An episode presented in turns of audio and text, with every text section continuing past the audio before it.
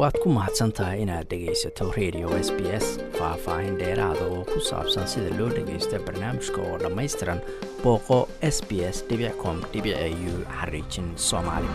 Waxaa saddex sano kadib weerarkii argagixiso ee lagu qaaday masaajidada magaalada christchurch ee dalka new zealand ku sii kordhayay australia waxaa loo yaqaano islaamofobiyada ama islaam nacaybka sidaas ayaa lagu sheegay warbixin falanqaysay dhacdooyin dhanka internetka iyo kuwo ku dhacay foolka fool oo lagu ogaaday in inta badan dhacdooyinkaasu ay ahaayeen kuwo wata hadallo nacayb ah iyo takoor.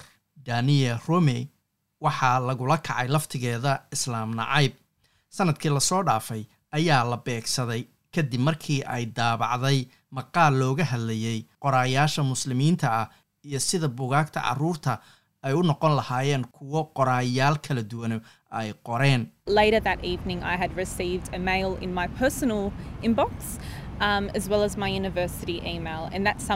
Galabnimadii ayaa email la iigu soo diray emailkayga gaarka iyo kan jaamacadda.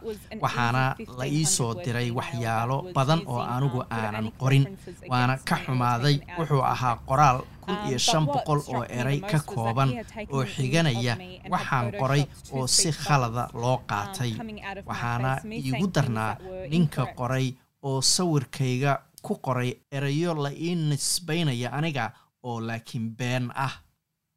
Miss romea oo la taliyaha warbaahinta iyo dhanka dhallinyarada u ah golaha imaamada qaranka australia ayaa rajaynaysa in dad kale aysan la kulmin takoor kaas oo kale mustaqbalka waxayna ugu baaqday dowladdu inay wax ka qabato arrintan From the Australian government, I'd really like to see some legislation put in place to prevent Islamophobia and anti Muslim sentiments from occurring.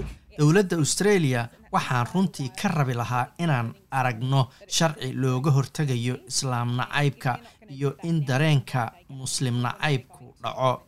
Saddex sano ayaa laga joogaa weerarkii christchurch runtiina waa waqti dheer waana mid walaac nagu haysa in weli islaam nacaybku uu jiro haddii marka aysan maanta sharci ka soo saarin dowladdu goormay isbeddel noocaasa la imaanaysaa ayay tiri. Warbixintan islaam nacaybka ayaa la sii daayey iyadoo saddex sano laga joogo weerarkii masaajidada christchurch waxaana warbixintan soo wada saaray jaamacadda charles stud university iyo australian muslims advocacy network waxaana lagu eegay oo lagu falanqeeyey laba boqol iyo afartan iyo toddoba dhacdo oo ka dhacday dhanka online-ka ama internetka iyo qaar ku dhacay foolka fool. Waxaana lagu ogaaday in shakhsiyaadkaasi aflagaado lagu beegsaday diintooda. Labaatan iyo afar boqolkiiba aflagaadooyinka qaarkood waxay islaamka la xiriirinayeen argagixiso. Tiradaasna way ka badan tahay halka ay hore u joogtay weerarkii christchurch ka hor oo ahayd labaatan iyo kow boqolkiiba.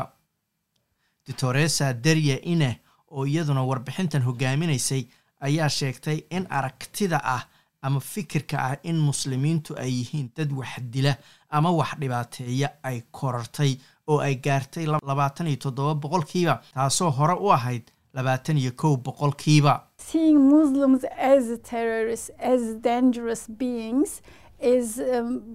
In muslimiinta loo arko argagixiso ama dad khatar ah ayaa ah mid dad badani aaminsan yihiin.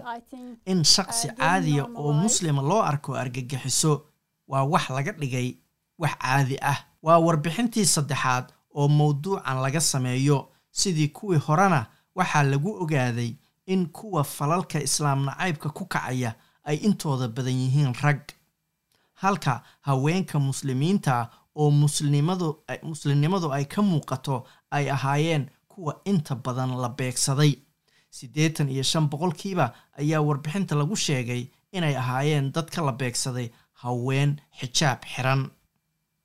Rita jabari markwell waa la taliyaha dhanka sharciga ee urur la yidhaahdo australian muslim advocacy network I really hope things have improved. And I, I think, you know, when we look online, we do see. waxaan rajaynayaa in arrintu hadda ay soo fiicnaanayso oo soo hagaagayso dhanka online-ka waxaanu aragnaa dad australiyaana oo u jawaabaya lana xisaabtamaya cambaaraynayana dhaqanka aflagaadada ah ee loo geysanaya muslimiinta welise halkaan rabnay ma aanaan gaarin. haddii ay madaxda sare ka hadlaan waxaan qabaa in bulshada inteeda kalena ay ku dayan lahaayeen oo ay yaraan lahaayeen ama la joojin lahaa takoorka iyo aflagaadada muslimiinta lagula kaco. Hogaamiyaha xisbiga leybarka ee federaalka antony albanisi ayaa sheegay in warbixintan islaam nacaybku ay caddayn u tahay in howl dheeraada loo baahan yahay in arrintan laga qabto. Wuxuu soo xigtay hadal uu yidhi bilaal ra'uuf oo ka tirsan golaha imaamada qaranka australia oo isagu yidhi arrintani wax iska dhacaya ma aha ee bulsho weynta ayaa ogolaatay in nacaybkan uu faafo ilaa uu gaaray caro dad lagu laayay afhayeenka xisbiga greenka u qaabilsan arrimaha la dagaalanka cunsuriyadda senatarad mahariin faruuki ayaa sheegtay in warbixintan ay shaaca ka qaaday wejiga islaam nacaybka ee naxdinta leh iyo in si deg dega loogu baahan yahay in dowladdu ay wax ka qabato muslim nacaybka iyo cunsuriyadda waad ku mahadsantahay inaad dhegaysato raadiyaha s b s. Toos u dhegaysa barnaamijka habeenada arbacada iyo jimcada tobanka fiidnimo. Ama kaga soo cesho website-ka iyaga iyo s b s radio app. Booqo s b s com au xariijin soomaali